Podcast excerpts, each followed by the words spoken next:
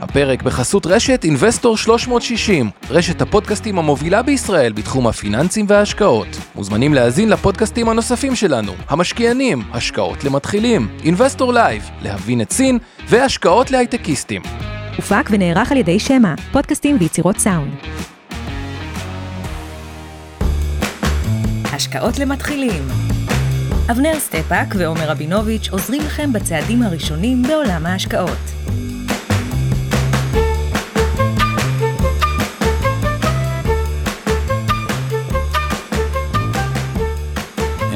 טוב לאבנר. ערב טוב עומר, מה קורה? אני אחרי אה, שקיקת דוחות כספיים, באמת היה לי היום יום אינטנסיבי ביחסית פנוי, ופשוט קראתי המון המון המון המון דוחות, אה, בין השאר בשביל הפודקאסט הזה, אבל גם זה העבודה, אז זה לא רק בשביל הפודקאסט. אה, ומעניין, ואני אגיד רק למה זה מעניין, כי אנחנו מגיעים בישראל, תמיד יש את רוח התקופה. כן. ורוח התקופה הוא תמיד או שהשוק אופטימי, לדוגמה הברית הגיעו כן. לדוחות הכספיים שהם יחסית אופטימיים, ואז אם הדוחות הכספיים הם בסדר, נגיד החברה, היו כל מיני חברות, החברה הגתה את התחזיות, ועדיין ירדה באיזה 4%. כי השוק כן. ציפה לא שייתקה, אלא שתכה תכה. ובישראל רף הציפיות שלנו גבוה או נמוך? רף הצ... תשמע, אתה יודע איך זה אצל משקיעים זה הפוך. כשהבורסה שלך, כמו מדד, אה, מדדים של תל אביב, עם מהגרועות בעולם השנה, אז אין לך ציפיות גבוהות, נכון? כי אתה אומר, כאילו, זה כבר אה, כאילו לא מתפקד מתחילת שנה, אז כנראה שזה גרוע. כשאתה משקיע בנסדק ואתה בפלוס 40% מתחילת שנה, או בפלוס נאה, תכף נראה את פינת המחלים בהרבה בורסות אחרות, אז רף הציפיות שלך גבוה. אז אתה נכון, יודע, זה, רף הציפיות הוא פונקציה של מה קרה להשקעות שלך במקומות שונים בשישה נכון. חודשים האחרונים, זה באמת מה שקובע. כן, וכשרף הציפיות הוא כזה נמוך, כשיש דוחות טובים, אנשים מתחילים להתייחס למציאות העסקית, כן, ופחות לרעשי הרקע, אם כי בישראל אי אפשר לא להתייחס לרעשי הרקע. בוודאי שאי אפשר. אבל חלק מה שאומרים, רעש, רעש, רעש, זה פשוט זול מדי או טוב מדי, ואני כן מזהה את זה בלא מעט חברות, וזה קרקע מאוד מאוד טובה, עם מעט סלקטיביות, אבל אה, כן אה, אה, לעליות חזקות. ואני אגיד את זה עוד משהו. בהתחלה, ותמיד הבאתי את הדוגמה הזאת על אה, מניית ארד, שהיא איזה חברה למדי... אה, ארד טכנולוגיות באלף, לא להתבלבל עם כן. ארד בעין, חברת נדל"ן, כן. במדי מים. של קיבוץ דליה נכון. ורמות מנשה. ו- והיא מוכרת בעיקר באירופה וואי. ובארצות הברית. כלומר, כן. היא צריכה דולר חזק, יורו חזק, וכלכלה ישראלית שהיא מג'עג'עת, כי אף אחד לא רוצה לריב על עובדים כן, יותר מדי שאתה... בול. התחילה הרפורמה המשפטית, כן. אתה קורא לזה לא איך רפורמה, הגענו אבל... לרפורמה הזו? שנייה, לא? משנה. כן. מה קרה לדולר? זינק, זינק. מה קרה ליורו? זינק, יפה. מה קרה לכלכלה הישראלית? אפשר צמחה. להתווכח, אוקיי? לא, לא, לא. אבל בגדול, זה מצב שוק אידיאלי עבורם. נכון. אז כשאתה שואל בן אדם מן היישוב, מה קרה אה, למניה, ספר לי. ברור שתעלה, אבל בשלב הראשון היא יורדת, כי זה איך שהשוק ההון הישראלי בנוי. קודם כל אנשים מוכרים את כל הקרנות נאמנות, והם צריכים למכור מה שאפשר, אה, ואז אתה קיבלת קודם כל ירידה, למרות שתנאי השוק השתפרו מבחינתה. עכשיו, למה אני אומר את כל הדבר הזה, ועוד רגע נביא את אזהרת הסיכון, כי אנחנו על... אה, אה, מדברים היום על דוחות כספיים, אז נכון שזה לימודי, אבל הדבר הזה בא להראות את חוסר היעילות שקיים אה, אה, בשוק, ובתקופות רעות, או אווירה רעה, יש הרבה מאוד חברות שלאו דווקא הפעילות העסקית שלהם נפגעה, אולי אפילו הפעילות העסקית שלה אה, ב- בתקופה מאוד מאוד טובה, והיא עדיין למטה. למה? בגלל אווירה, וזה קרקע מאוד מאוד טובה להיות אה, סלקטיבי. טוב, תראה, אה, אנחנו מסכמים עונת דוחות, אבל אני מציע שכרגלנו בקודש, נתחיל עם קצת אקטואליה ופינת המכפילים. אז קודם כל, תודה לשיר פלדמן האלופה שעושה לנו את התמלול בלייב, לחרשים, כבדי שמיעה, וכל מי שיותר נוח לו לראות כתוביות, אתם כבר מכירים את הנוהל, בוודאי משתמשי אה, זום. אה, תודה לטובה שמענוב שמפיקה לנו את השידור, ותודה לצוות שלך, עמי ארביב, אור אה, חלמיש ו... עמי ח- ועמי- ואורן ברסקי, סליחה, אוף, למה עשיתי את הבלבול הזה? בכל אופן, אז אנחנו איתכם היום על עונת הדוחות בישראל, והאם היא מצדיקה את העליות, אבל בואו נתחיל קצת ממה קורה בעולם. אז נשתף את אז- המצגת של אה, אז- אה, את פינת אז- המכפילים. אז קודם כל התשואות עולות, והתשואות עולות זה, ו- וכבר עולות עולות, כאילו יש עולות ויש עולות עולות, 4.31 באג"ח הברית, זה כבר בהחלט אלטרנטיבה אה, ראויה לשוק המניות. אגב, כששואלים אותי בין פיקדון, אג"ח לטווח בינוני, או אג"ח קונצרני, שימו לב, יש מה שנקרא באג"ח קונצרני, אה, וניקח אה, triple B, triple B זה BBB, זה בעצם דירוג השקעה, אבל זה לא, זה לא עכשיו אג"ח מקדונלדס, שברור לכולם שזה, המרווח הוא יהיה מאוד מאוד אה, קטן, אלא עם מעט סיכון.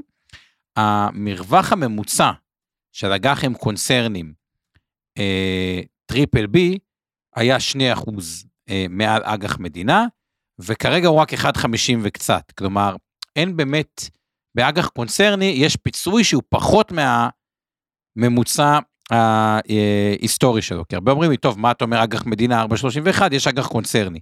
אבל רק לשים לב בדבר אחד, אג"ח קונצרני היום בחו"ל, הוא כן מתמחר מה שנקרא soft landing. מה הכוונה soft landing? שלא יהיה משבר, כי נכון. כשיש משבר, המרווחים עולים למעל הממוצע, וכרגע אנחנו מתחת ל- אה, לממוצע, אז זה רק ככה שיהיה איפשהו אה, בראש, כלומר, אג"ח קונצרני, אם יהיה משבר, הוא אמור גם להיפגע מאוד חזק, אבל האלטרנטיבה של 4.31 היא בהחלט אלטרנטיבה. ישראל, 3.98, אה, זה אג"ח, גם אזורי הארבע אה, וכו', רק עם הבדל אחד. בארה"ב, מכפיל הרווח של ה-S&P 500 קצת ירד, כי היה קצת תיקון בשווקים כלפי אה, מטה, אה, אז אנחנו מדברים על 18.6, אז התשואה קצת עלתה, המניית, כאילו, המדד S&P 18.6 קצת ירד, הנסדק במכפיל 27 עתידי, שזה לא אה, זול, למעשה הוא נותן פרמיית סיכון שלילית, כלומר, תשואת הרווח העתידית שלו היא 3.2, מכפיל 27, אה, זה ש... גוזר מזה 3.2, שזה פחות בעצם מתשואת האג"ח. אירופה, נשארנו סביב ה-10, ישראל, קצת ירדנו, תל אביב 35 כבר אה, 9.6, תל אביב אה, 90, 10.3, אז בעצם כן. אנחנו, ותל אביב ו-SME 60 מתחת ל-10, מכפילים פה, אה, נראים זול. מילה, אתה רוצה, אה, מילה על סין רק? סין, וזה מה שמדברים איתי הרבה חבר'ה, בצרות סחורות שם בתחום הנדל"ן והפיננסים, זה מין בועה שאין איך לפתור אותה כל כך, פשוט בנו הרי רפאים, וזה אובדן כסף, צריך להגיד את זה, החיסכון הסיני הוא לא רובו בבורסה. אה, בישראל נגיד החיסכון הפנסיוני הוא מאוד מאוד מפותח, בסין משקי הבית קנו נדל"ן, ולמעשה מה שנוצר שם, אנשים שרצו להשקיע בנדל"ן קנו דירה בעיר רפאים, וזה מייצר הרבה מאוד אה, אה, בעיות. אז אם כבר סין זה מאוד סלקטיבי, בעיקר לדעתי לאזור הטכנולוגיה, שהוא משקף מכפילים אה, נמוכים, אבל יש שם בעיות לא פשוטות שגם יכולות לגרור אה, את העולם בצורה כזו, כאילו, יש שם איזה משהו שהוא אולי יותר גדול ממה שחושבים. אה, יפן 14, הודו 20, זה ככה פינת המכפילים בגדול. אבנר, אתה רוצה, יש לך עוד דברים להוסיף ככה? כן, קודם כל שלטעמי, הבורסה בתל אביב תמיד הייתה במכפילים יותר נמוכים, זה לא, כן, אה, שיקוף רק של היום.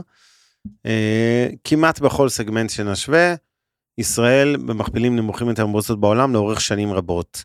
אחד ההסברים לזה חשוב שתבינו, כי זה, זה מאוד מתעתע, אנשים אומרים לעצמם, איך יכול להיות start-up nation, מדינת הייטק, אנחנו אמורים להיות בכלל מכפילים הרבה יותר גבוהים מהעולם, ומדינה צומחת, חברה צומחת וזה, אבל תזכרו שהבורסה בתל אביב לא לגמרי משקפת את הכלכלה הישראלית, היא מאוד מוטה למה שאנחנו קוראים חברות value, תחומי הערך, ופחות לתחומי ה growth, כי חברות הייטק הטובות יותר הנפיקו בעיקר בנסדק ובכלל בבורסות בעולם, פחות פה, מסיבה פשוטה אגב, הם מקבלים באמת נכון. מכפילים הרבה יותר גבוהים שם. ואז מה שקורה זה שבישראל אנחנו יותר מוטים לנדל"ן, בנקים, ביטוח וכולי, ענפים שהם אה, בדרך כלל מקבלים בכל העולם גם מכפילים יותר נמוכים. כן, למרות שיש לך גם קצת אבל- נייס, יש לך גם יש, קצת יש, אלביט מערכות, אבל- שהיא תראה, חברה שהיא... גם אם נשווה בנק לבנק וחברת ביטוח בישראל לחברת ביטוח באירופה וכולי, יהיה פער במכפילים לרעת ישראל. זאת אומרת, זה לא, זה לא רק התמהיל שגורם לישראל לראות כאילו יותר זולה, אה, זה גם כשנשווה תפוחים לתפוחים זה יהיה יותר זול, אבל אה, חלק מהפער הדי לא גדול, מוצדק, מוצדק או לא מוצדק? לא, לא לדעתי מוצדק, אבל צריך להסביר גם, זה, והנה הפתרון למה, אנשים ישאלו, אוקיי, בסדר, הבנו, יותר נמוך, למה המכפילים פה יותר נמוכים? קודם כל, אה, שכירות נמוכה בבורסה בתל אביב, אין מה לעשות, מחזורי המסחר היומיים בהרבה מהחברות פה נמוכים ולפעמים נכון. אפילו מצחיקים ביחס לשווי השוק. בארצות הברית יש הרבה מניות ש-2-3% ביום יחליפו ידיים, פה לפעמים זה 0.02% ביום, זאת אומרת מספרים מגוחכים, אתה רואה שווים של חברות, שהגרף הוא אפשר, אתה לא יכול בקושי להיכנס ולצאת מהמניה, גם אם היא שווה מיליארד או שני מיליארד שקל, אין בה מספיק שכירות. נכון. דבר שני, צריך להגיד בכנות, אין פה המון המון שחקנים. הציבור הרחב ושונה מהרבה שווקים בחו"ל, שהוא שחקן משמעותי שמזיז את השווקים כי הוא ריטל ישיר שמשקיע לא דרך הקרנות הפנסיה, IRAים ו-401k בארצות הברית וכולי, אלא גם במישרין, אנשים קונים לעצמם בקיצור מניות בצורה הרבה יותר משמעותית בחו"ל מאשר בישראל. וכש... ואם התמהיל של המשקיעים הישראלים הפרטיים הוא קטן בתל אביב, שיעורם במחזורים נמוך, ובמוסדיים יש בקושי 12 שחקנים, ונוסיף קצת את הזרים שמשחקים פה, אז השכירות, התוצאה היא שכירות נמוכה, ובדרך כלל כשהשכירות נמוכה, גם השווים נמוכים. אה, נכון, אם כי יש דבר אחד שהוא לא מסתדר לי לגמרי לוגית, גם לגבי שכירות. גם נדל"ן בארץ הוא נכס לא שכיר, אבל בתשואות שכירות נדל"ן בארץ נמוך מבארצות הברית. כלומר, יש פה איזשהו משהו שהוא מוזר, על נדל"ן אנשים בארץ, למרות שהחיכוך פה יותר גבוה וה-8% מס רכישה וכו', מוכנים לשלם מחיר יותר גבוה מאשר האמריקאי הממוצע, ובמניות יותר נמוך. כלומר, על פניו זה סוג של, אה, לא יודע מה. יש פה איזה דיס, דיסוננס, כלומר, לא כל דבר בישראל, גם של שכיר, הוא, הוא יותר זול. זה ספציפית איכשהו לנושא של המניות. נתחיל. מסכים?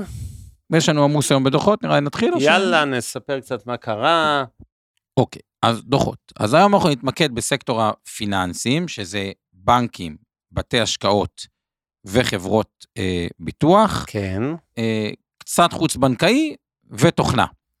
אוקיי. אה, מה שאני כן אה, אומר לפני זה, מכיוון שדיברנו מניה, גם הזכרתי את מניית ארד, בוא ניתן לזה אזהרת אה, סיכון, כי דוחות אז כרגיל, כל מה שאנחנו עושים הערב, הבת שלי מתפקעת פה מצחוק ליד, תודה שירה. כל מה שעושים הערב אינו ייעוץ השקעות ולא תחליף לייעוץ השקעות המוטל מצרכי ונכסי כל אדם בידי יועץ השקעות מוסמך. כל מניה שנזכיר כאן הערב, אנחנו מזכירים הרבה דוגמאות, כי חברות פרסמו דוחות כספיים. אז אנחנו מזכיר, מזכירים שאנחנו מחזיקים במניות האלה. גם אינבסטור 360 בתיקי הלקוחות והקרנות הנאמנות שלה, וגם מיטב בקופות הגמל הפנסיה השתלמות אה, תיקי השקעות ותעודות הסל וקרנות הנאמנות. אנחנו מחזיקים במניות ולכן יש לנו אינטרס כשאנחנו מזכירים אותם. עכשיו תורך. אני אומר, שירה פה צופה מימון מה זה, מי שיהיה פה בפינת שירה, מי שלא הפודקאסטים מכיר, פעם, שירה זה היורשת, אה, יש כן. יורשים, יש היורשת, שירה ספק. אז אנחנו יושבים פה בחדר פודקאסטים, ויש חלון כזה. שאפשר לראות את כל הפודקאסטים שהיא צופה בנו עכשיו. אז לפחות במה שלך היא מחייכת. הבת שלי בדיוק, הייתה, הייתה בפודקאסט ביום ראשון, היא יושבת מולי ובוכה, כי היא רוצה... אין מה זה, לעשות. וזה מחוץ לזה, וצריך להסביר לה שזה פודקאסט, אז זה בסדר. יאללה, בוא נמשיך אה, זה. אוקיי, אז כשאנחנו מדברים על סקטור הפיננסים, אנחנו נדבר על הבנקים ועל החוץ כן. אה, אה, בנקאי, בתי השקעות חברות ביטוח. קודם כל אני רוצה לשים איזשהו, את המספר בפרספקטיבה.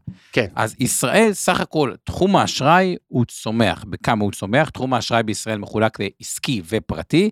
כשאנחנו מדברים על הפרטיים, הוא צמח, אם ניקח מ-2016, באזור ה-50 אחוז. אגב, מזרחי ודיסקונט צמחו קצת יותר מאשר רגע, אה, נראה את הגרף. אה, או- בנקים אחרים, אפשר להראות את הגרף, בואי אבל למי. שמקשיב פשוט אשראי, תזכרו, האשראי לציבור 2016 צמח ב-50 אחוז. אה, אם אני רוצה אה, להסתכל על האשראי העסקי, מ-2012 הוא צמח, או אפילו אפשר להסתכל מ-2016, הוא צמח קצת יותר מ-50 אחוז, כלומר גם האשראי לעסקים צמח מאזור כזה, אה, גם למעלה מ-50 אחוז. איך זה סך הכל בא לידי ביטוי, ונראה פה את הגרף האחרון, אפשר לראות שתי גרפים למטה, ככה למי שבלייב איתנו. סך כל אשראי העסקי בישראל, אם ניקח פרספקטיבה עוד יותר ארוכה, מ-2008-2022, הכפיל את עצמו. אה, שזה מתחלק די יפה אגב בין הציבור לבין האשראי העסקי, העסקי הוא בערך אה, 1.2 מיליארד, כלומר יותר קרוב ל-60 אחוז, אה, והפרטי זה בערך 40 אחוז. אז זה תחום, עכשיו אין הרבה תחומים, תחשבו על זה, שסך הכל צמחו בפי 2 בהיקף האשראי, שאנחנו, אה, אגב זה שני טריליון כמובן, זה לא שני אה, מיליארד, כן. ו-1.2 טריליון האשראי עסקי, ו-800 מיליארד משקי הבית, שהרוב בזה זה כמובן משכנתאות. אז אנחנו מדברים פה על שתי טריליון שקל של אשראי. נכון. עכשיו אתם אומרים, טוב, צמח, צמח, צמח, כשמקדונלדס מוכרת יותר, יש לה יותר סניפים. כשחברת טכנולוגיה מוכרת יותר, לוקחת יותר עובדים. כן. באזור ההוצאות, הבנקים בשנת 2012 היו 1,231 סניפים. 2022, 991 סניפים רגילים, כלומר אנחנו מדברים פה על קיטון של כמעט 200, אה, 240 סניפים קטנו, מתוך 1,220 אחוז מהסניפים אה, נסגרו, ותזכרו זה על אשראי שהוא כפול, אבל כן יש תוספת שנהייתה בשנים האחרונות, יש אה, פתאום חדש סניפים חלקיים וניידים, אה, שיש עוד איזה 70 כאלה, אבל בסך הכל אנחנו רואים קיטון של 20% במספר הסניפים, על גידול של פי 2 באשראי. למה הדבר גורם? יש מה שנקרא בבנקים, יחס, יחס היעילות התפעולית. התפעולית. מה זה יחס היעילות התפעולית? בואו נגדיר אותו. זה יחס יעילות, אוקיי? זה. בניטרול השפעת המדד, כי לפעמים מדד המחירים לצרכן נגיד יכול להקפיץ את ההכנסה מאוד, כי אה, הרבה מההלוואות הן צמודות אה, מדד, והכנסות בעלות אופי חד פעמי, למי שמכיר בלאומי, אז יש נגיד את הלאומי אה, השקעות ההוניות, נו לאומי, איך הם נקראים?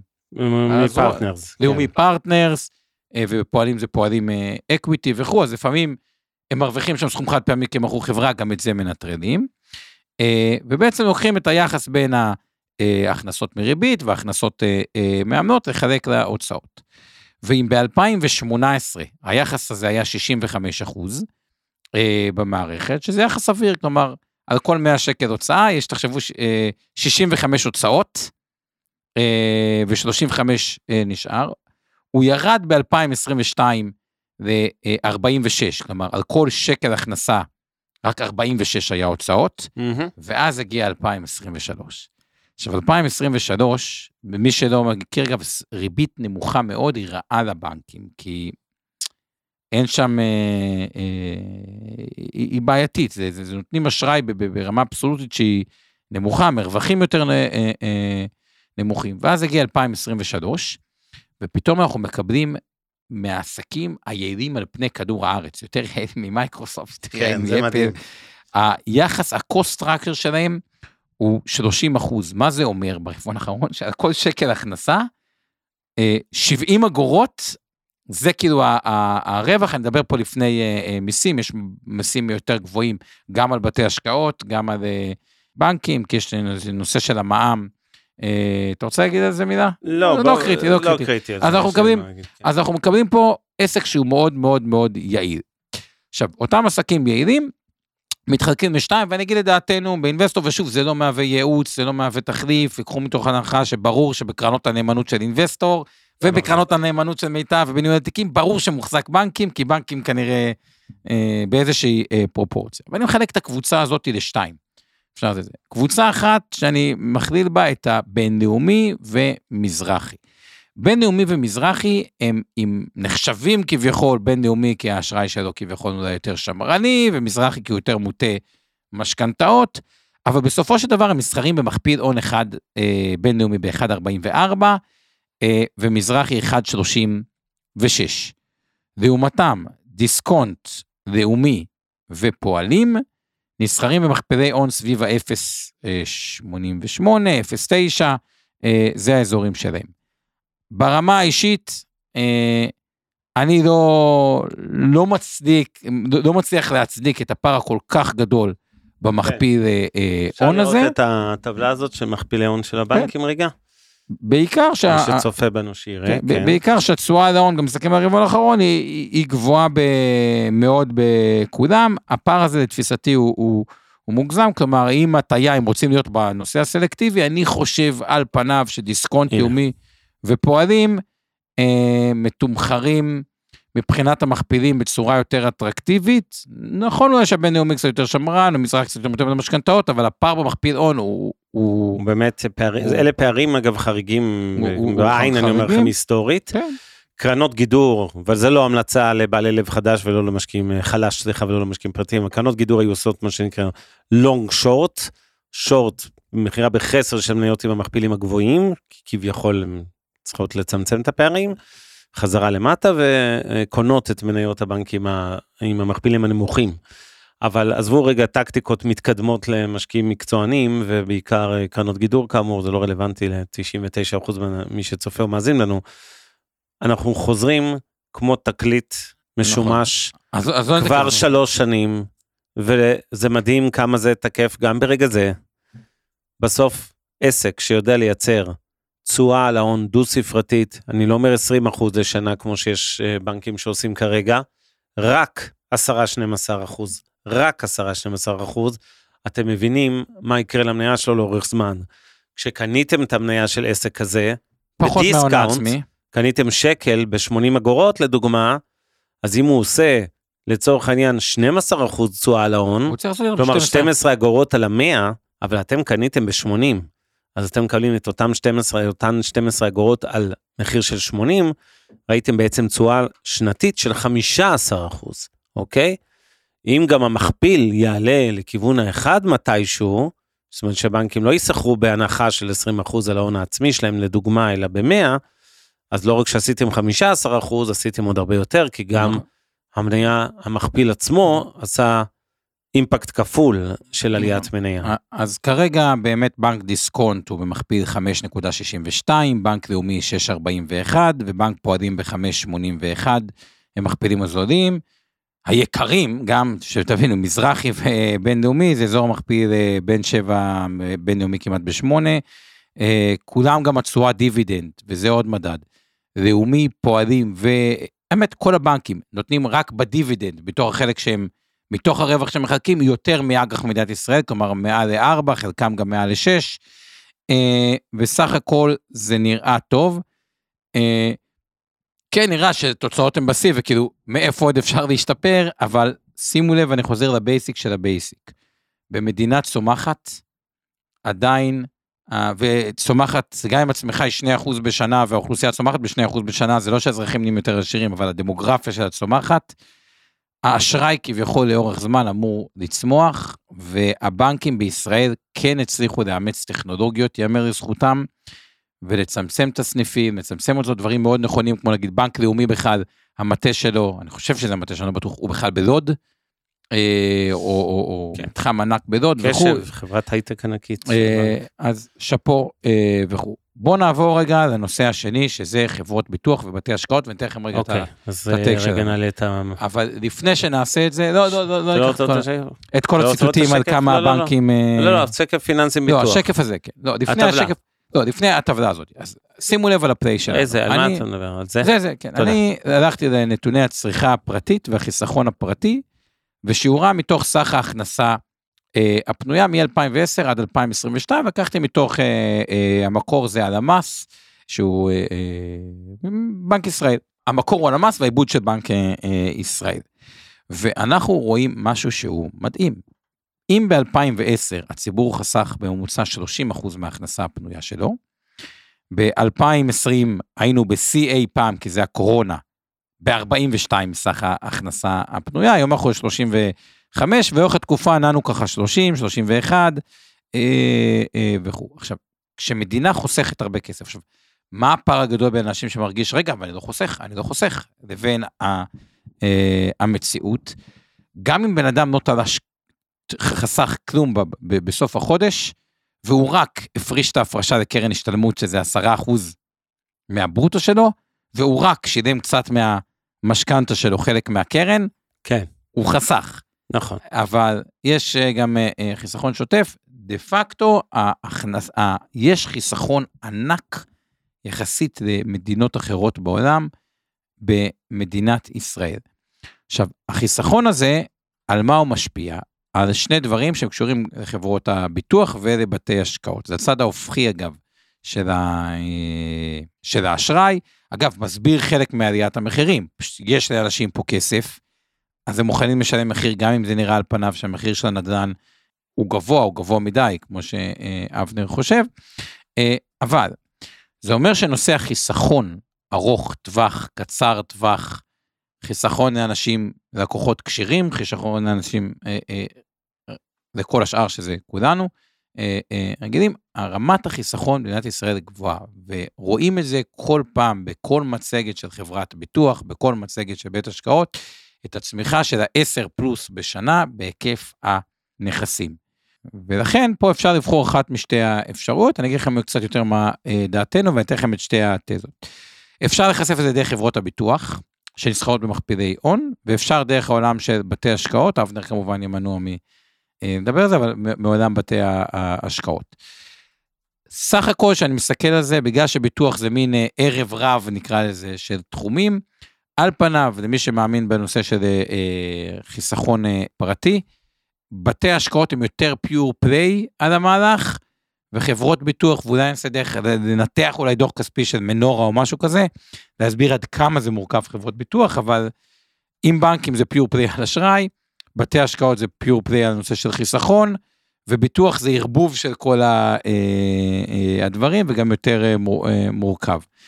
עכשיו, גם פה יש שוני מאוד מאוד גדול בין הגופים השונים, שננסה להסביר. נתחיל, אבנר, אתה רוצה להוסיף על זה או שנתחיל לעבור לביטוח? בוא נעבור לביטוח, כן.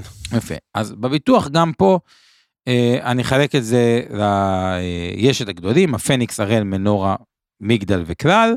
יש את IDO שהיא... מי שצופה בנו יש כרגע על המסך בעצם כן. את כל החברות ו-IDI זו בעצם ביטוח ישיר 9 אה, מיליון. אז הפניקס אה, ומנורה היסטורית אה, או לא היסטורית הם נסחרות במכפילי הון קצת יותר גבוהים כמו שבבנקים יש מכפיל הון ומזרחי והבינלאומיים הגבוהים בהפניקס וב...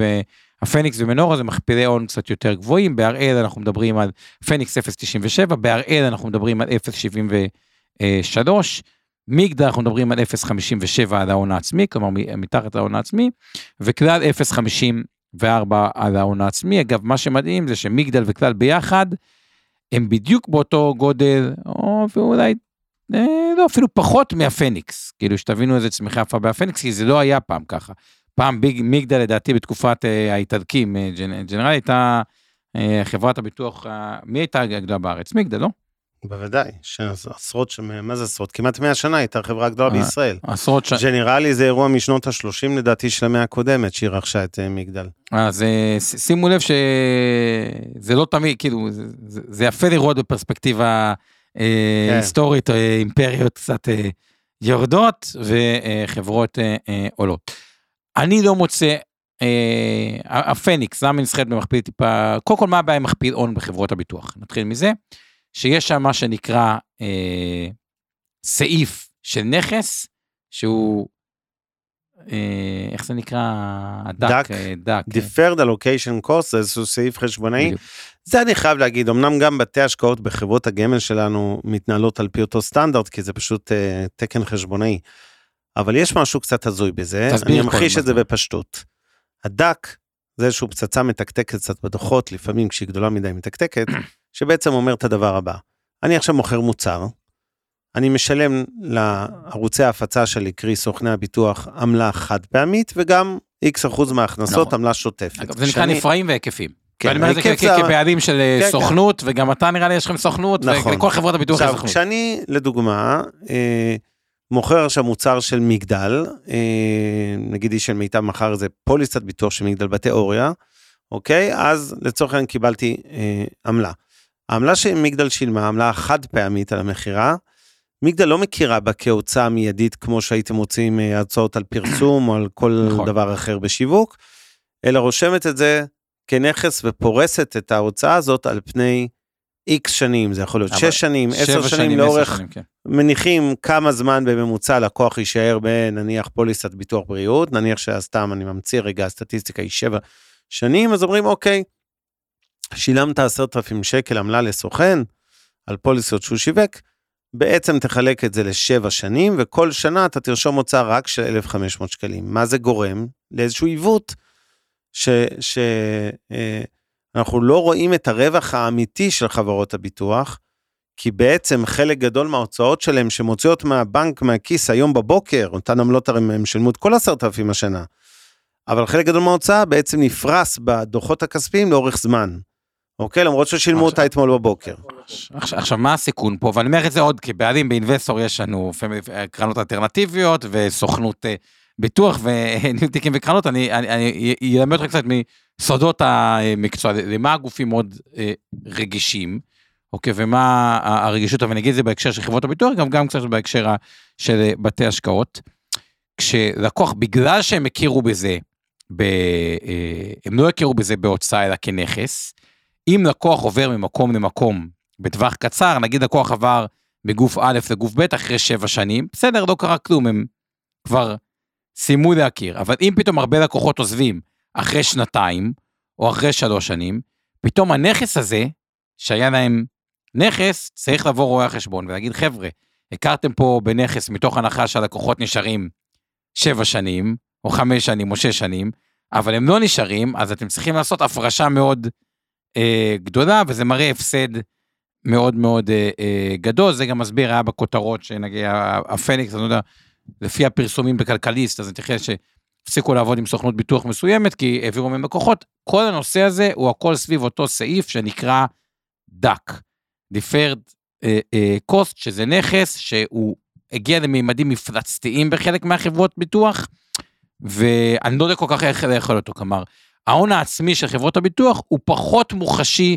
מההון העצמי של אה, אה, הבנקים, אני אגיד את זה אה, ככה, ובגלל זה לב ליבו של העניין שמה שכל האנליסטים, כולל אני שעשיתי נגיד מחקר של, אני חושב איזה 50 שעות על מנורה, לנסות להבין את המספר, לא, לא ההון העצמי, כי הוא בעייתי בגלל הסעיף הזה, מהו אותו רווח מייצג של חברת ביטוח. שימו לב עכשיו מגדל, אה, נגיד פרסמה אה, אה, דוחות, אז גם המנכ"ל רצה להתייחס מהו הרווח המייצג. כלומר, שאני לוקח כל סגמנט, ואיזה רווח שנתי מגיעים, כי מכפיל הון לא לגמרי תופס בגלל הדק, לנסות להגיע למהו אותו רווח, וזה בכלל פעילות שהיא לא פשוטה.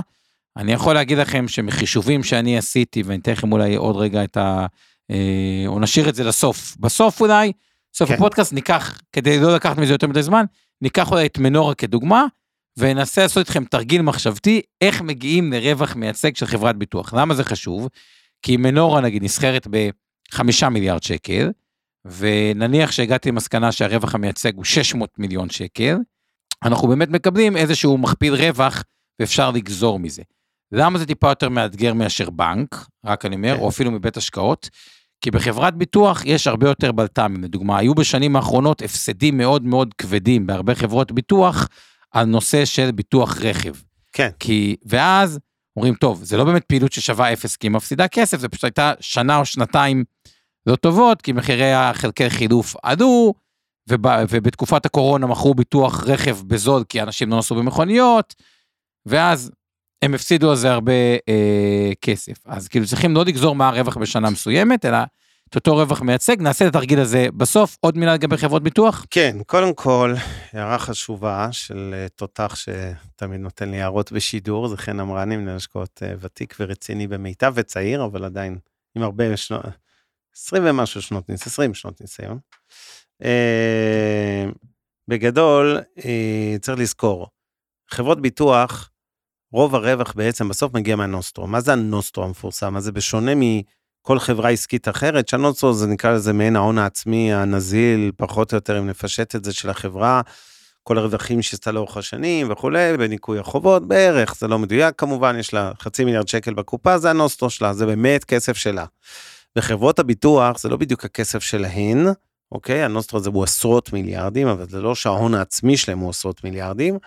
אלא זה פשוט כספי הפרמיות שהם אוגרים מכספי הלקוחות, כן, לצורך העניין שילמתם פרמיה ביטוחי בריאות וכולי. חלק גדול מזה ישולם החוצה כהוצאות אה, בגין תביעות. אבל מהנוסטרו הזה הם עושות את הרווח הגדול. ובעצם אפשר להגיד שכל חברת הביטוח באיזשהו מובן עובדת עבור הנוסטרו שלה. זו יחידה קטנטונת בתוך חברת הביטוח, כן, מנהלים שם לצורך העניין אה, אה, עובדים באירוע הזה אולי 100 איש מתוך אלפים בחברת ביטוח. אבל בפרקטיקה משם מגיע רוב הרווח בסופו של דבר. אוקיי? ואז השאלה גם איזה סיכון הם לוקחים על ההון הזה, באותו נוסטרו, כמה הם, ברור שכן, אה, חברת ביטוח לא יכולה להרשות לעצמה, אה, גם שהיא שחקן לטווח ארוך, היא לא יכולה לשים בנוסטרו שם 100% מניות ולספוג פתאום אה, קריסה בשנה מסוימת. בטח אם זה מתנגש עם שנה גרועה בתעשיית הרכב, גנבות, באיזה חלילה איזה אירוע ביטוחי עצום, רעידות אדמה, סיפורים. ולכן הם כמובן לא לוקחות סיכונים עד כדי כך גדולים. גדולים. אבל אני אישית חייב להעיר הערה נוספת חשובה על דוחות חברות ביטוח. לעולם לא תצליחו להבין אותם. אל תנסו. אני אומר לכם כמי שחפר אישית, זה מאוד מסובך. אני, יש לי טענה שברוב חברות הביטוח, אפילו המנכ"לים לא מצליחים להבין עד הסוף את הדוחות של עצמם. מי שבדרך כלל מבין אותם זה מנהלי הכספים והבעלים של החברה. אני לא בטוח, ואני לא אומר את זה בציניות, אני לא בטוח שאפילו המנכ"לים מצליחים לפענח את הדוחות של עצמם, זה אה, כל כך מסובך. זה בנוי על הנחות אקטואריות של תוחלות חיים, וכל כך הרבה דברים, וקטורים שמשפיעים על ה... על הדוחות שאני אפילו לא יודע איך להתחיל כן. לנתח. אה, לא, אז ניתחתי את זה עם כמה, אפילו מנכ"ל, אני לקחתי את האתגר, לקחתי אחד המנכ"ל, אני לא אגיד איזה שם של חברת ביטוח, ממש פירקנו את החברה, אני חייב להגיד, הפתיע אותי לטובה השליטה, כאילו זה מאוד מורכב, השליטה. גם מסכים לגמרי שזה רק נוסטרו, כי בסופו של דבר תיקח... אה, נגיד את מנורה כדוגמה, בסוף כן הקרן, החיסכון ארוך טווח שם מייצר כסף, או בפניקס הסוכניות מייצרות כסף. או בק... יש עוד פעילויות, אבל נכון שזה עוד יותר, חלק מהנוסטרו זה להבין מה הרווח המייצג הנורמלי של, ה... אה, אה, של ההון העצמי המוחשי, מה הכוונה, לא הנכסים, הקאש עושה, נשים את זה בסוף, נחזור למנורה, אה, אבל רק מהשיחה שלי ושל אבנר הבנתם שזה לא פיור פליי מאוד פשוט. כשאנחנו מגיעים לנושא של בתי השקעות אה, אה, ושירותים פיננסיים, אבנר, אתה רוצה להגיד על זה משהו שאתה ממש... אה... איך אני יכול להתייחס לקטגוריה שאני אחד המתחרים והיום הכי גדול בה? אז אני לא אגיד עליה כלום. אוקיי, אז אני, אני מחלק את, ה, את השוק הזה של הבתי השקעות, ושכל אחד יכול לקחת את מה שהוא רוצה, לשחקנים שהם יותר פיור פליי, הם לא רק, היום הכל התערבב להכל, כל חברה התערבבה לעוד דבר, אבל יש שחקנים שהם יותר, המוסדי הקלאסי, פיור פליי, אה, על גמל השתלמות, אפשר להכניס גם פה את הנושא של ניהול תיקים קרנות נאמנות. אה, אלצ'ור זה דוגמה אה. אלצ'ולר שחם. אלצ'ולר שחם, אלצ'ולר כן. שחם פנסיה זה דוגמה טובה. הטראו, שזה בעצם מחזיקים ב-50% מעלין הפידות, זה דוגמה אה, טובה. מור גמל ופנסיה אה, זה דוגמה אה, אה, טובה. אז שלושת הגופים האלה, אה, זה יותר פיור פליי על החיסכון ארוך טווח. מה הטוב בחלק הזה, מה לא טוב. החלק שטוב בו, זה שהיקף הנכסים מאוד עלה, אה, וימשיך לעלות. כלומר, השילוב, היתרון הלא הוגן שנתנו למוצרים דוחי המס, קרי קופות גמל להשקעה, קרי תיקון 190, קרי קרן השתלמות מעבר לתקרה, למי שעוסק פטור, עוסק מורשה, יכול להפריש בעצם סכום מאוד אה, אה, גבוה לקרן ההשתלמות. אה, בנוסף להפקדות, פנסיה, גמל, אה, פיצויים, פשוט יצרו תחום שצומח בהיקף הנכסים בצורה אה, מפלצתית. דבר נוסף, שלדעתי קרה וימשיך לקרות, למרות שכבר היום הפנסיה והגמל במדינת ישראל היא מהזולות בעולם, צריך להגיד את זה, ועדיין אני חושב שתהליך של שחיקה קלה בדמי ניהול, אה, ילך ויימשך. אה, אה, אני חושב שהגידול בנכס הוא יותר משמעותי מהשחיקה בדמי ניהול, בדמי ניהול שכבר הגענו אליהם שמאוד מאוד יחסית להשוואות בינלאומיות, אה, אה, נמוכים. מה בעייתי לאותן חברות שהן פיור פליי? אה, עד שרטראו ומור זה הדוגמאות, פסגות היא קטנה פשוט, ואין המחה, הם דוגמאות לזה. המנגנון של סוכני, ש, ש, של ערוצי ההפצה, קרי, סוכני הביטוח, מתכננים פיננסיים, פמילי אופיס, כל שם של מישהו שנותן שירותי אגרגציה אה, ללקוח הקצה, הוא כזה שמתגמל עבור מה שבעגה המקצועית נקרא אה, ניוד, חברות ביטוח קוראים לזה twisting, אה, ופה העלות גיוס כסף של החברות האלה כשהן רוצות לגייס, הוא לא כזה נמוך, וגם עוד בעיה מבנית שיש לחברות האלה, הלקוח הוא לא באמת לקוח שלהם, כלומר לקוח של, זה תלוי גם בברנד, אבל לקוח של אלטשולר הוא של אלטשולר דרך הרבה פעמים ערוץ הפצה, ואם ערוץ הפצה ירצה אה, להזיז אותו, וראינו את זה עכשיו אה, אה, קורה, אז הציבור הולך בעקבות הייעוץ של אה, ערוצי ההפצה, אה, שיודעים לתת פתרון כולל אה, אה, ללקוח, ואז פשוט העלות גיוס של הלקוחות היא לא כזו אה, אה, קטנה, אה, וזה מה שמסביר תנודתיות מאוד גבוהה, מי שאחרון בתשואות סובל מאוד, מי שראשון בתשואות אה, אה, מגייס, אבל גם זה גיוס לא מאוד אה, אה, אה, זול. אחרי זה יש לנו את IBI, אגב מצחיק, עברה לדעתי היום בדיוק את הגודל את אלטשולר שחם, כשאין לה בכלל קופות גמל וקרנות אה, השתלמות, שזה משחק שהוא יותר פיור על, אה, זה לא בדיוק גוף מוסדי, על העולם האלטרנטיבי, אה, על עולם של אה, אה שירותים פיננסיים, גם אה, אה, ניהול תיקים, במקרה הזה גם ניהול אופציות עובדים אה, וכו' וכו'. אה, אגב, לתוך העולם הזה של יותר פתרונות ללקוחות אה, אה, כשירים, סלאש גם אה, אה, אה, מוסדים, אפשר להכניס את אלקטרה נדל"ן, שווה 2.3 מיליארד שקל, בודיגו של חברת נדל"ן, שזה בעצם מודל שהוא מנהלים הרבה פחות כסף, אבל הרבה יותר רווחי, כי יש דמי הצלחה בגין כל המוצרים האלה אה, האלטרנטיביים. מיטב, שנגיד לך בכמה מילים, כי אבנר פה והוא פחות אוהב שאני אתייחס אה, אה, אה, כשהוא פה, היא שילוב של גם וגם, גם יש הפעילות מאוד גדולה, בדומה לאשר אה, טראו אה, אה, מור, גמל השתלמות וניהול תיקים, אבל גם יש הרבה מאוד פעילויות בעולם האלטרנטיבי, אז היא זה שחקן שמשלב בין שתי העולמות, שכל אחד יבחר איפה שהוא רוצה להיות, מכפילי הרווח, אה, אפשר להסתכל על זה, אם אני מסתכל על אלטשוויר שהוא גוף פודה, אזור השבע, מכפיל זול, ועוד פעם, ראינו היום היו דוחות דווקא הרווח, המכפיל שלו שבע, אבל הרווח כל הזמן הולך וגוף אה, פודה, תמיד הרווח ילך אה, אה, ויקטן. אה, הטראו היא תמיד הייתה אזור ה-10 ועדיין אזור ה-10 היא לא צומחת הרבה ובדרך כלל את כל הרווח מחלקת כדיבידנד, אז הדיבידנד שם יחסית גבוה, 9.80, אה, מיטב במכפיל רווח 12, מור אה, מכפיל קצת יותר גבוה 24, אפשר להתווכח מוצדק לא מוצדק, IBI גם אזור ה-10. ואלקטרה נדל"ן ובודיגו, שזה מודל של GP ו-LP, כלומר יותר מוטה לרווחי הצלחה, הם מכפילים נמוכים מאוד, אפילו אלקטרה נדל"ן 5, בודיגו ב-8.6, אבל זה קצת מתעתע. למה זה קצת מתעתע? כי חלק מהרווח זה רווחי הצלחה בגין מכירות של נכסים שמכרו באזור 2020, אה, טרם כל העלאות הריבית, ונשאלת השאלה, אה, שזה to be continue, האם הם יצליחו לשמור האם הנכסים במקרה הזה הנדל"ניים שהם אמורים למכור, האם הם יצליחו לשמור על אותם רווחי אה, הצלחה בעולם של ריביות יותר גבוהות, שזה בסימן אה, שאלה. ובגלל זה גם אפשר לראות בתשואות ב-12 חודשים האחרונים, שאלקטרה נדל"ן ובודיגו ירדו, אלקטרה נדל"ן ב-28, בודיגו ב-40, למרות שמהשנה קצת הייתה התאוששות של 24 אחוזים. באופן כללי, הגופים שבלטו לטובה מבחינת השנה בתשואות, אלטשולר ומור, לא התשואות, תשואות מבחינת החברות, אצ'ר ומור אה, קצת אה, אה, בירידה.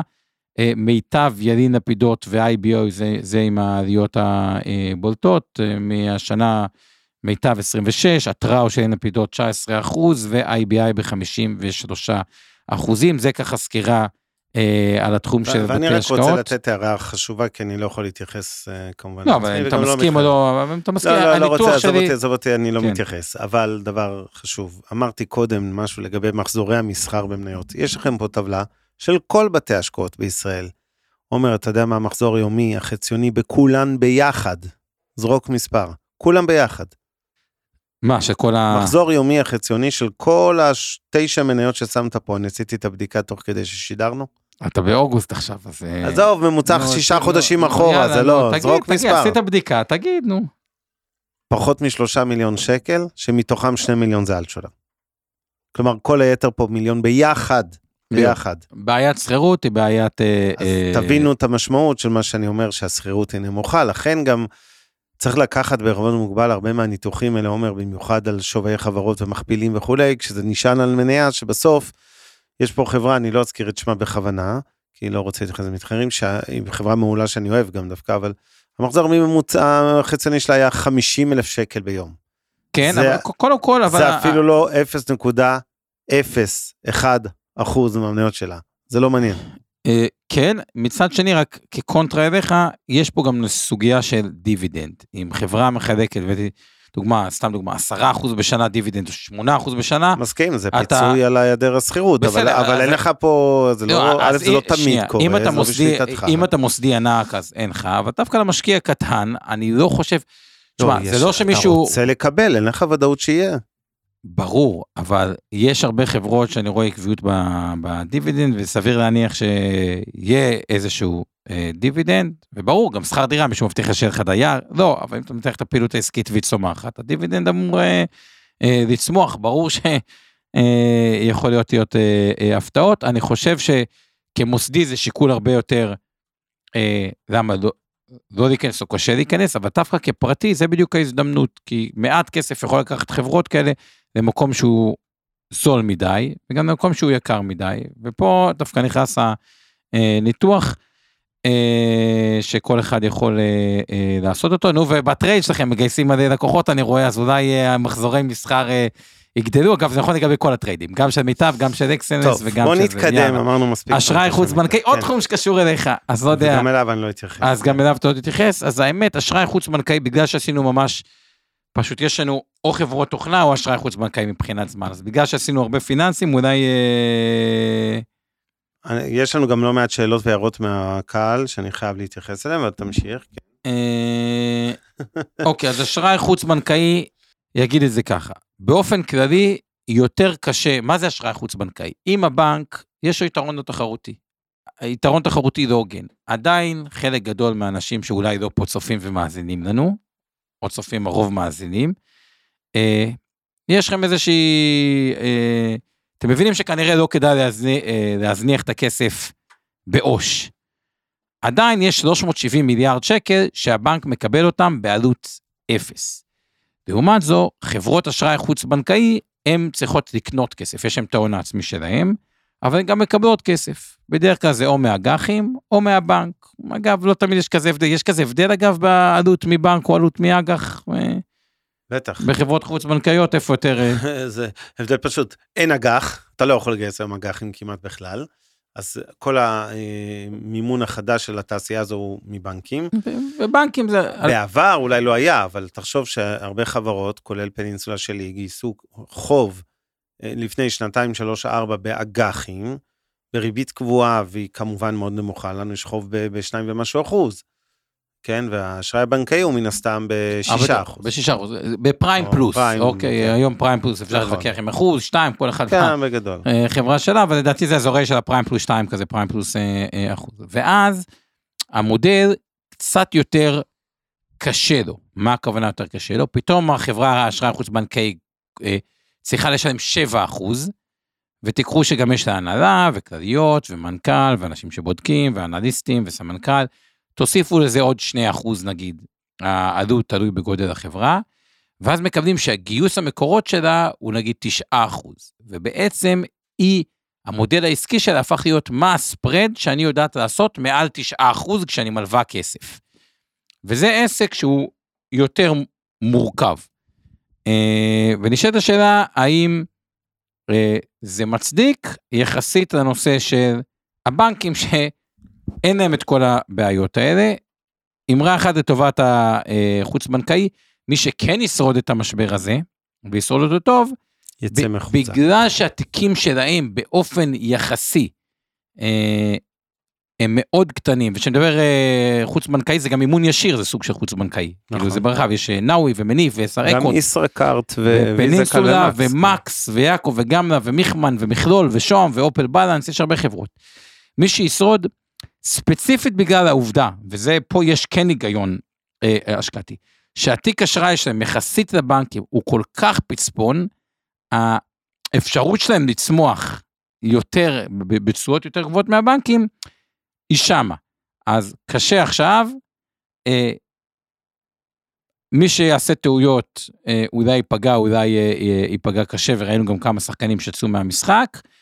יש צורך בחוץ בנקאי, הבנקים רוצים היום לממן את מה שנקרא פלן ונילה, הם הולכים לאסטרטגיה, או אנחנו מממנים את פלן ונילה, או נותנים פשוט כסף לאשראי חוץ בנקאי שהם יעשו את הדברים המורכבים, לא הייתי משלם מכפילי הון גבוהים מדי, אם כבר ללכת לחברות עם מכפילי הון אה, סבירים, ושכל אחד מפה יעשה את הבדיקות שלו. גם פה נושא של שכירות היא לא מאוד מאוד גבוהה, אבנר, אולי מהניסיון שלך אתה רוצה לתת עוד איזה משהו, מסכים עם הניתוח, חושב שיש עוד מה להוסיף? אני לא רוצה להתייחס לניתוח, אני רוצה להוסיף פשוט נקודות. קודם כל תדעו, יש שינוי דרמטי בתעשייה הזו שהתבססה לאורך עשרות שנים על צ'קים ומשרדי ניקיון. המשקל של אלה יורד והחברות הופכות יותר ויותר לאשראי סולו ובעיקר אשראי מגובה ביטחונות. המקום העיקרי שהוא מנוע צמיחה משמעותי לענף האשראי החוץ-בנקאי הוא ענף הנדל"ן.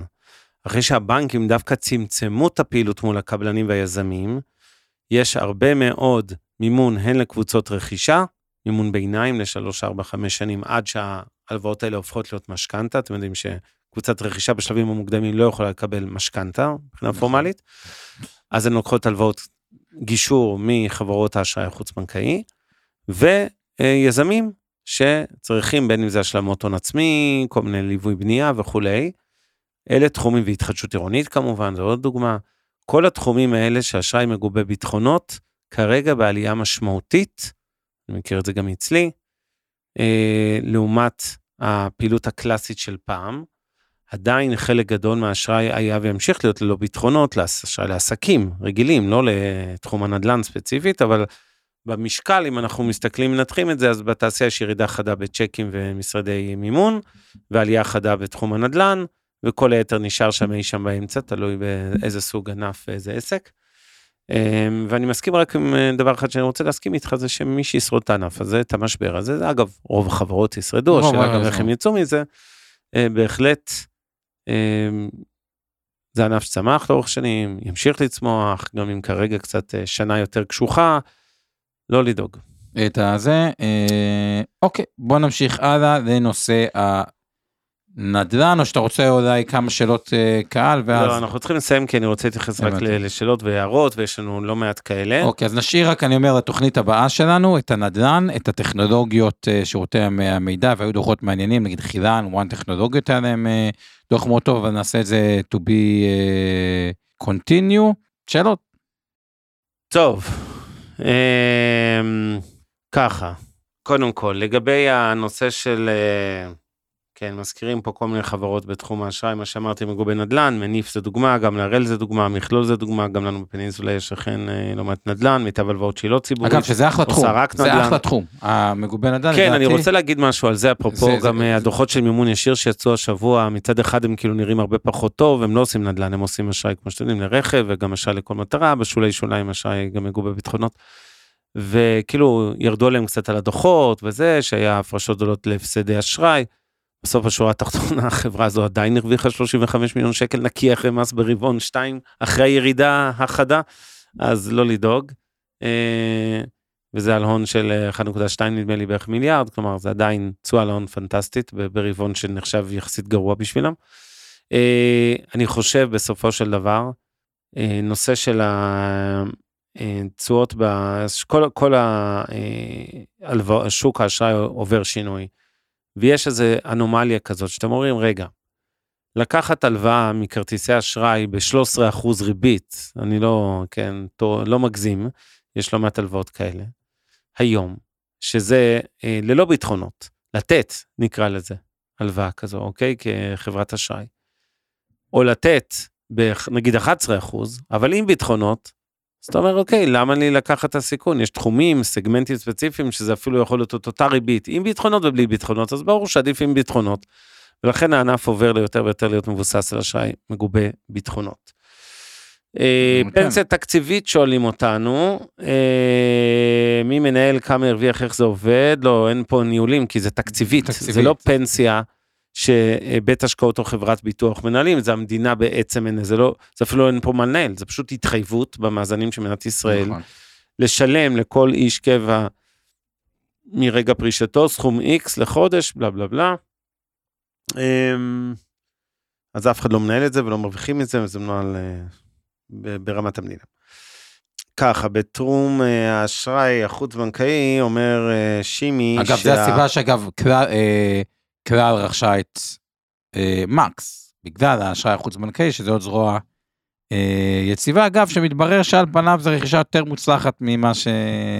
זה, אבל זה to be continue בשביל... בוא. מתברר, עבר רבעון, בוא לא נסחף. לא, בסדר, בינתיים זה, שילמו יותר, המתחרים הציעו מכפילים אפילו יותר גבוהים מאשר מה שזה שילם. זה נכון. אמ, אז ככה, אומר שימי, רגע, אבל ההפרשות של אותן חברות בתחום האשראי החוץ-בנקאי יותר נמוכות מהבנקים, כך שלא בטוח שזה משקף את המצב האמיתי. קודם כל, אני רוצה לראות איזה ספקולציה לבנקים. אתם רואים שקודשים אותם בתקשורת על ימין ועל שמאל, על הרווחי העתק שלהם, אה, שנובעים בעיקר ממרווחי כן, הריביות הגבוהים, והעובדה שאתם לא מקבלים כלום על העו"ש, ובלה בלה בלה, אתם מכירים. אמ, אבל אני לא בטוח שהם לא, יש להם אינטרס נקרא לזה לשמרן את הדוחות שלהם, כי כשאתה מרוויח כל כך הרבה כסף חוטף, לא אכפת לך להיות נדיב בהפרשות האשראי, גם נכון. מעבר למה שאתה מה שנקרא. הפרשות קבוצתיות. כן, ת, ת, ת, המצב ת, המשק. תקלקל קצת את הדוחות, אז במקום אה, 22 אחוז, תעשה רק 20 אחוז על ההון במרכאות אה, בציניות, אני אומר רק 20 אחוז, אז אני לא בטוח עד כמה שם לא שמרני יתר.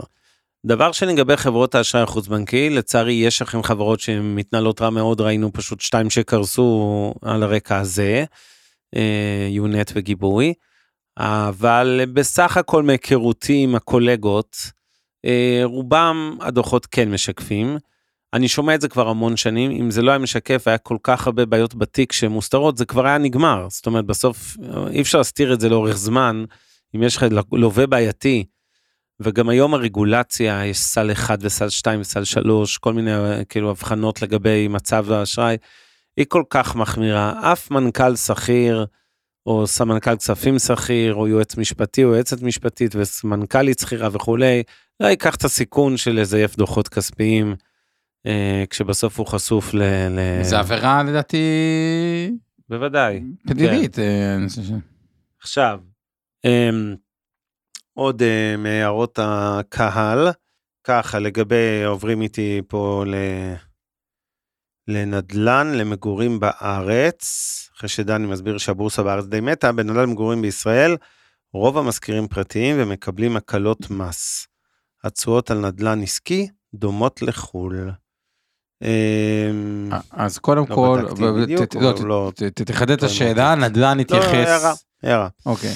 אה, הבנקים עסוקים בעיקר בחלל, בחלוקת שלל לעובדים, בהם בדומה לעובדי מדינה וחברות ממשלתיות, בעיקר אלה שידם על השיבר, כותב עדי. לא יודע מה להגיד, לא, אה, מאוד אני לא. יעילי, מאוד זה זה. בוא, מנכ"ל גולדמן זקס מרוויח משכורת 100 מיליון דולר, מנכ"ל בנק הפועלים מרוויח אה, משכורת מיליון 2 דולר. וחצי מיליון דולר. ממש ככה. אז... כן, אה, פי מאה. והוא לא ייתן? שאף אחד ירוויח יותר ממנו, כשהיה והתשואה מישהו על ההון אחד- של קוטלר יותר גבוהה משל פי ושהיה. מישהו אחד שהרוויח יותר ממנו ב-IBI חיתום, כי בחיתום זה כן, כן, עסק פרסונלי.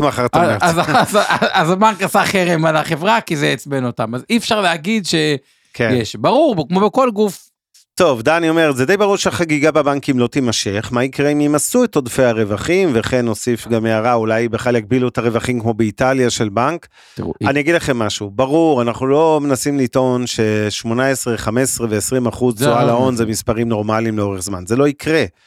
להפך, אבל כל הטענה שלנו, כרגע תהנו מהחגיגה של כן, התשואות המטוללות האלה, ו- וגם כשזה ירד לנורמליות, אני לא בטוח שזה ירד חזרה לאזור 8 אחוז, כן, גם יכול להיות 8 שזה זה לא רע. לדעתי פשוט גם אם התשואה זה יהיה ב-12 או 10, בדיוק. בואו, זה עדיין תשואה טובה, במיוחד שבהרבה מהמניות, כאמור, אתם קונים אותן מתחת להון העצמי. אה, ארתור קרייזמן, האם אתם צופים עלייה במכפילים של הבנקים בתור, בעקבות השיח השלילי שיש כאן בציבור בממשלה נגד הבנקים? להפך, זאת אומרת. אם כבר אתה מתכוון אה, לא, אה, להגיד שהמכפיל אולי צפוי לרדת, לא, ברור לי שהשיח יימשך, אבל הבנקים תמיד הרוויחו, תמיד ירוויחו, כמעט בכל תנאי שוק. לא רואה, כן, גם אם יעשו איזושהי רגולציה כזו או אחרת שקצת תגביל את זה, זה לא ישנה אה, ברמת המקרו. תראו, תחשבו איזה, איזה עסק זה, אני, אני רק אמשיך לכם את זה לעולם של, שלנו, אוקיי? של בתי השקעות, חברות תכנון פיננסי, פמי אופיס, שזה בסוף עסקי AUM.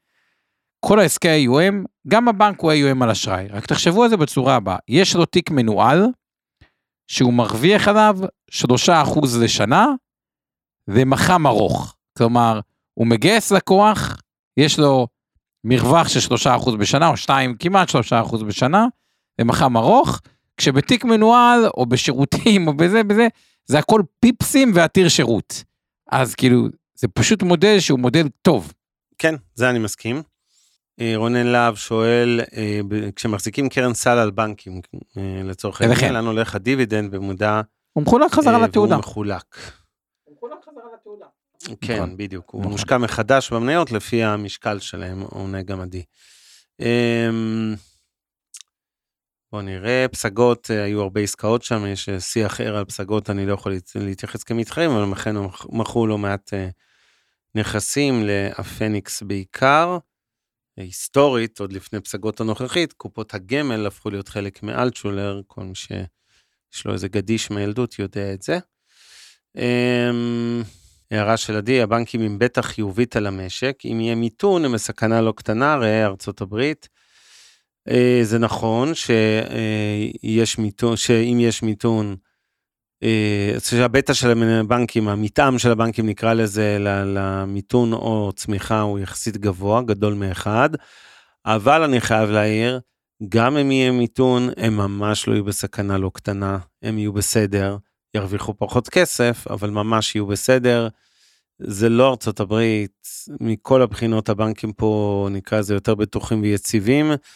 וכבר עברנו, אני מזכיר, מאז המפולת הגדולה של שנות ה-80, שהביאה רגולציה מאוד כבדה לבנקים, שינתה את כללי המשחק באופן שהם הפכו להיות הרבה יותר יציבים ובטוחים.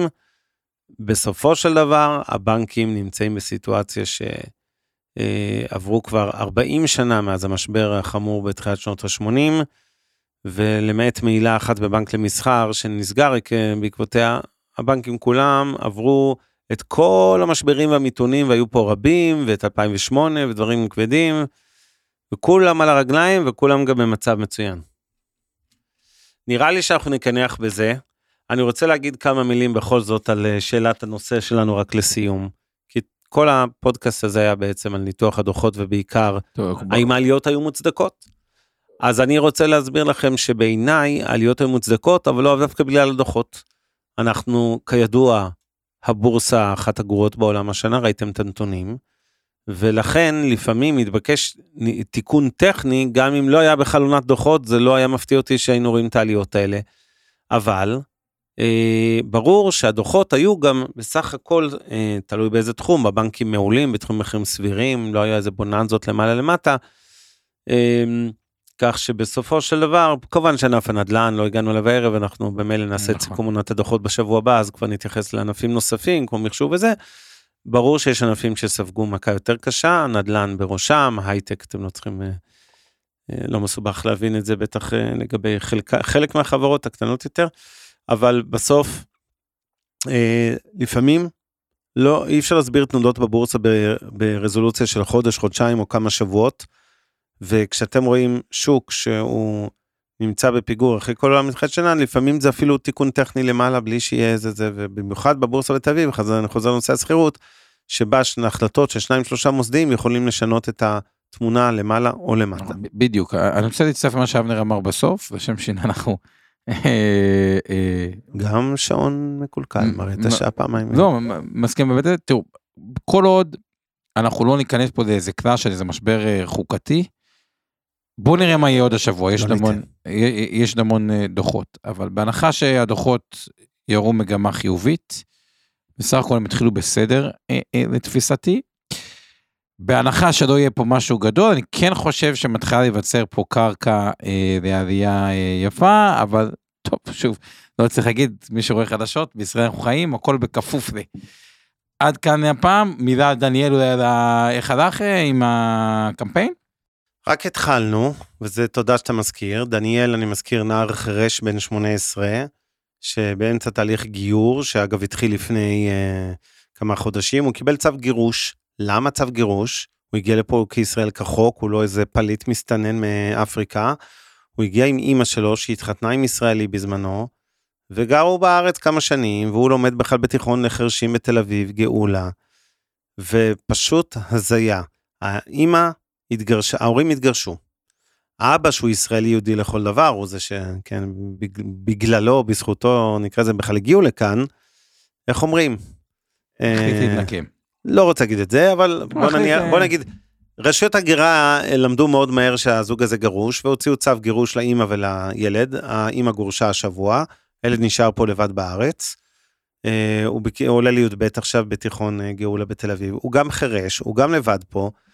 אגב, נצר למשפחה יהודית, אז בגלל זה הוא גם עושה את הגיור, לא בשביל, לא קשור לאירוע הזה, הוא גם התחיל אותו לפני שבכלל חשב שהוא יגורש מפה. ואני מנסה יחד עם המון אנשים טובים להוביל מאבק של אה, להשאיר את דניאל בישראל, תחפשו אותנו בגוגל, בהדסטארט, אתם מוזמנים לתרום, זה עסק יקר, אני יודע שזה לא איזה מחלת סרטן חלילה או מחלת uh, מסכנת חיים, אבל בסוף מדובר בבן אדם מדהים, אני מכיר אותו כבר, הוא רוצה להתגייס, הוא רוצה להישאר פה, הוא עובד במוזיאון הילדים בחולון, והוא אחד העובדים הכי טובים שם בתערוכה של החרשים, תערוכת uh, הזמנה לשקט. באמת ילד מדהים, פילוסוף כזה, חכם, גאון, מצליח ב- בלימודים והכל. והוא תכלס, זה- זה העוול שעושים הרבה פעמים לילדים כאלה, כאילו, הוא לא אשם שההורים שלו התגרשו, הוא הגיע לארץ כחוק, הוא הגיע כנער, כקטין, כלומר, לא, כן, לפני כמה שנים. הוא לא אה, עשה שום דבר רע, בחייאת מדינת ישראל יכולה להכיל אחד כזה, במיוחד סבא רבא יהודי, רוצה להתגייר, שחררו באימא שלכם, חסר מקרים באמת שצריך לגרש מפה, שדווקא נטפלים אלה זה. בקיצור, תעזרו להשאיר את דניאל בישראל בבקשה. אה, פתחתי לו ערוץ התרמה ביוטיוב, פתחתי לו חשבון שאני הנאמן שלו, לוודא שהכסף הולך רק לכיסוי הוצאות משפטיות, וכמובן, הוצאות מחיה, כל עוד הוא לא אזרח ישראלי, הוא לא מקבל קצבת ביטוח לאומי שחרשים מקבלים, לא סל שיקום, לא שום סיוע בשכר דירה, כלום. עכשיו, ילד עובד, הוא לא מחפש את הטובות, כן? אבל בסוף זה פרוצדורה, ויהיה לנו מאבק ארוך ומתיש כדי להשאיר אותו בישראל, אבל אתה יודע איך זה ייגמר? הוא יישאר בישראל, אני מבטיח. אנחנו נעשה את הכל.